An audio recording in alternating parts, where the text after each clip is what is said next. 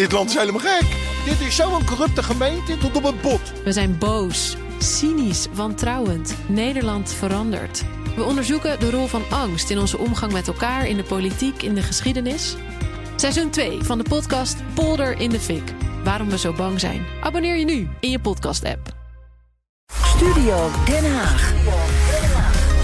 Ja, en in Den Haag is politiek verslaggever Leonard Beekman... om ons bij te praten over een dag waarop en veel en heel weinig gebeurde. De Tweede Kamer buigt zich over de najaarsnota... en er zijn flinke zorgen over de overheidsfinanciën. En het eerste informatiegesprek tussen PVV, VVD, NSC en BBB is begonnen. Bij informateur Ronald Plasterk Plas Sterk zijn Geert Wilders, Dylan Jezelgus, Pieter Omtzigt en Caroline van der Plas met hun secondanten aangeschoven. Maar die houden allemaal een radiostilte. Nou, Leonard, wat houdt dat in? Elisabeth en Kees, ja, een radiostilte. Dat is voor ons natuurlijk gewoon uh, heel slecht nieuws. Ja. ja. want hoe klinkt zo'n radiostilte dan? Nou, we staan dan even te wachten totdat ze naar binnen gaan om met Plasterk te gaan praten. Normaal krijg je dan eventjes uh, kort wat informatie toegespeeld. Maar vandaag niet. Pieter Omzicht. Wij gaan nu gewoon naar binnen. We beginnen vandaag voor het allereerst. Dus uh, we gaan gewoon, uh, gewoon beginnen. Ja, dan moeten we daarmee doen. Vier seconden. Geert Wilders. Wij gaan u alleen vertellen dat we er uh, heel veel zin in hebben. Um, um, heel goed dat we erover gaan praten. veel vertrouwen in dat dat op een goede afloop kan rekenen. En daar houden we het bij tot nou, voor de komende weken, maanden, weet ik hoe lang het duurt. Oké, okay, hartstikke bedankt. Tot ziens. Ja, hartstikke bedankt en tot ziens. Maar ze zijn vanaf half drie al binnen. Het is nu bijna drie uur. Dus we zijn nog wel in gesprek. Ja. En zometeen bij de uitloop krijgen we denk ik weer hetzelfde te horen. Nou, 4 seconden en 13 seconden. Voor die 17 seconden stond jij daar te posten, Leendert. Ja. ja, ja, maar goed. Weten we wel waarover? Het hoort er allemaal bij. Het hoort er allemaal bij. Maar weten we wel dan waarover ze uh, gepraat ja, hebben? Ja, dat weten we natuurlijk. Er wordt nu gesproken over de grondwet, grondrechten en de democratische rechtsstaat. Daar hebben we het natuurlijk al lang over ja. gehad. Vervolgens gaat er gesproken worden over de inhoud, migratie, goed bestuur, wonen, bestaanszekerheid en overheidsfinanciën. En laat het nu net in de Tweede Kamer op dit moment ook over overheidsfinanciën gaan. Want er wordt namelijk gesproken over de najaarsnota. Ja, de najaarsnota. Even voor wie het gemist heeft, wat is dat ook alweer? Ja, de, de, najaarsnota is een tussentijds overzicht van de lopende begroting.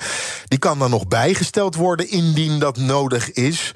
Nou, op het laatste moment, dus aan het eind van het jaar, is er eigenlijk niet zoveel meer te, regelen. Dat gaat ook niet gebeuren.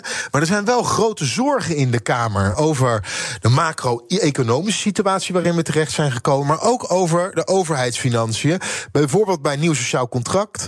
Tweede Kamerlid Nicolien van Vroonhoven. We maken ons best wel zorgen. Uh, er blijft heel veel geld op de plank liggen. Uh, je kunt je afvragen hoe dat, uh, hoe dat komt. Dat heeft verschillende redenen. En daardoor lijkt het begrotingstekort wel mee te vallen. Maar als je ziet dat er op de, aan de horizon toch slechte economische tijden doemen, dan kan het zomaar zijn dat we heel snel weer onder die 3% financieringstekort zakken. Ja, en dan gaan we over de Europese normen heen. Ja, en eenzelfde geluid bij het CDA, Inge van Dijk. Wat je eigenlijk best wel goed ziet in deze najaarsnota is dat zich de eerste tekenen van toch een veranderend klimaat uh, aftekenen als het gaat om economische groei.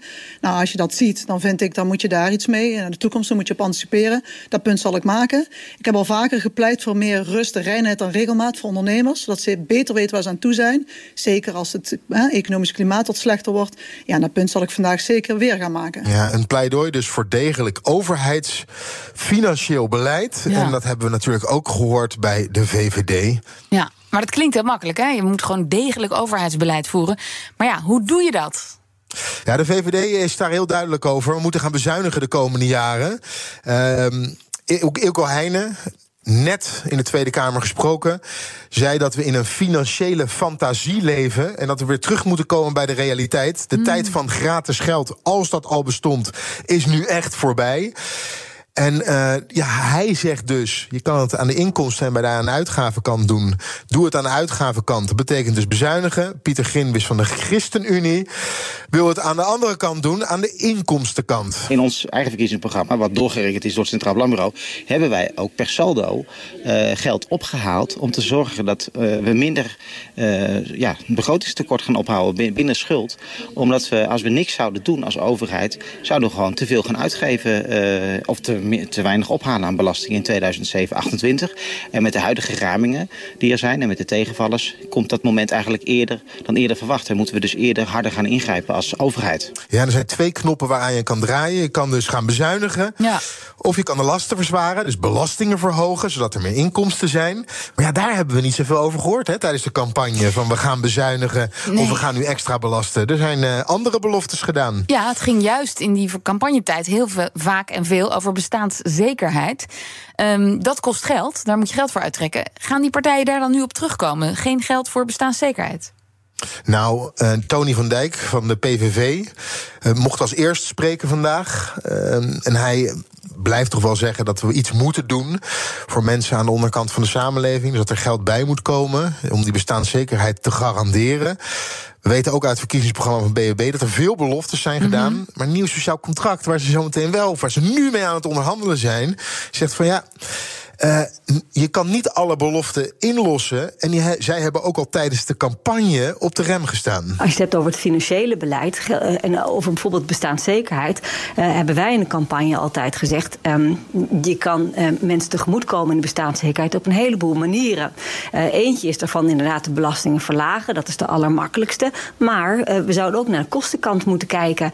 Eh, hoe eh, maak je de, eh, de kosten van de energie, kosten van wonen, eh, hoe maak je dat voor mensen goedkoper? Nog een ingewikkelde puzzel, die leg je niet zomaar. Nee. Nee, die leg je zeker niet zo. En een belofte is snel gemaakt, hè? Want we gaan zorgen dat u in die portemonnee erop vooruit gaat.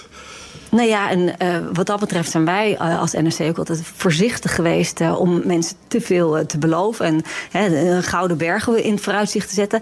Mensen weten wel dat wij er alles aan zullen doen om die bestaanszekerheid, ook die zekerheid waar je het over hebt, om, om daar met elkaar aan te werken. Ja, Liesbeth en Kees, ik ga jullie vertellen dat het nog een hele lastige puzzel gaat worden. Want er is natuurlijk nu heel veel gesproken over de rechtsstaat en eh, de grondwet. Maar als er zometeen gesproken moet worden over overheidsfinanciën. en vooral hoe ga je het betalen of wil je gaan bezuinigen. dan staan voor zeker de VVD en Nieuw Sociaal Contract. toch wel lijnrecht tegenover de PVV. En dat gaan echt wel hele lastige gesprekken worden. Ja, eh, Leonard, verwacht jij vandaag nog voorstellen om iets te doen voor die bestaanszekerheid waar het net over ging?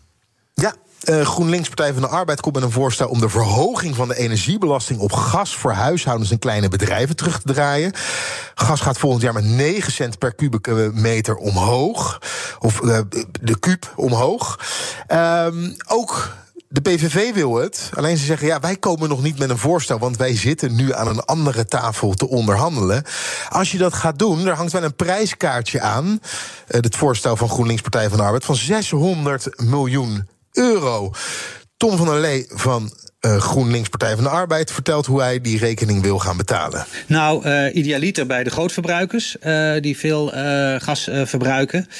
Tegelijkertijd weten we dat daar in de Kamer waarschijnlijk geen meerderheid voor is. Dus ik kijk naar de banken, de bankenbelasting. Dat heeft u toch al een keer gedaan, naar de banken gekeken... rondom het eh, verhogen van het minimumloon? Ja, daar hebben we naar gekeken. Toen hebben we een beperkte verhoging eh, voorgesteld. Eh, inmiddels heb ik ook gezien dat eh, de banken echt 40 miljard euro verdiend hebben. Doordat eh, de ECB een hele hoge rente heeft geïntroduceerd. Dat cashen ze.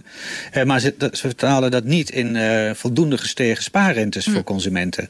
Eh, dus we laten gewoon de banken wat meer belasting betalen. En geven dat terug eh, aan mensen. eh, zodat ze hun energierekening kunnen betalen. Ja, en de PVV en ook Nieuw Sociaal Contract hebben in een verkiezingsprogramma gezegd dat zij ook iets willen doen aan die energiebelasting.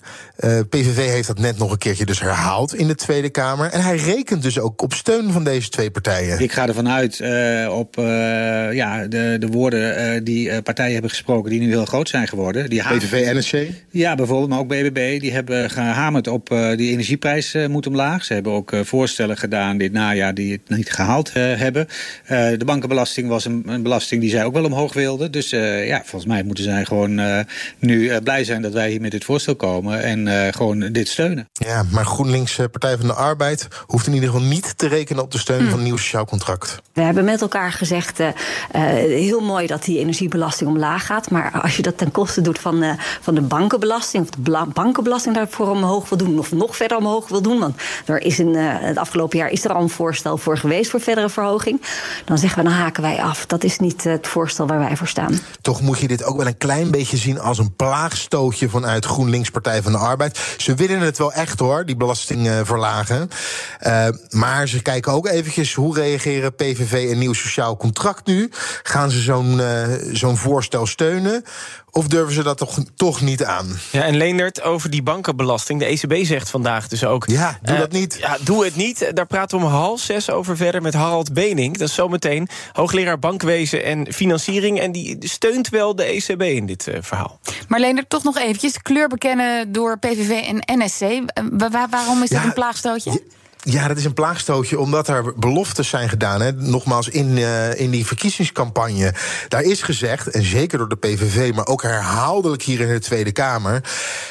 Uh, het, als, je, als je ervoor wil zorgen dat mensen het financieel wat breder krijgen. Mm -hmm. En dat ze wat meer geld overhouden in hun portemonnee. Dan, dan kan je dat heel makkelijk regelen. Bijvoorbeeld door belastingen te verlagen. Nou, ja. en GroenLinks Partij van de Arbeid komt nu met een concreet voorstel. En zegt: zet u uw handtekening ja. er maar onder. Dan ja. kan dat geregeld gaan worden. Maar ja, de PVV moet nu iets doen.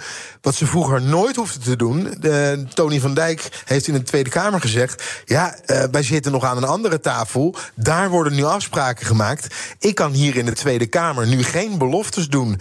Terwijl de PVV toch vaak ja, het een klein beetje als onwil heeft laten overkomen dat andere partijen, hè, dus coalitiepartijen uit Rutte 4, Soms, omdat ze nou eenmaal met afspraken bezig waren of afspraken gemaakt hadden, sommige maatregelen niet wilden steunen of niet konden steunen. Ja, ja. nu zitten zij aan die kant uh, van de tafel. Maar als ik jou zo hoor, Leonard, we hebben het gehad over bestuurscultuur, nou de grondwet of de rechtsstatelijkheid, uh, klimaat, migratie. Maar financiën wordt gewoon ook nog een heel belangrijk uh, onderwerp in de formatie.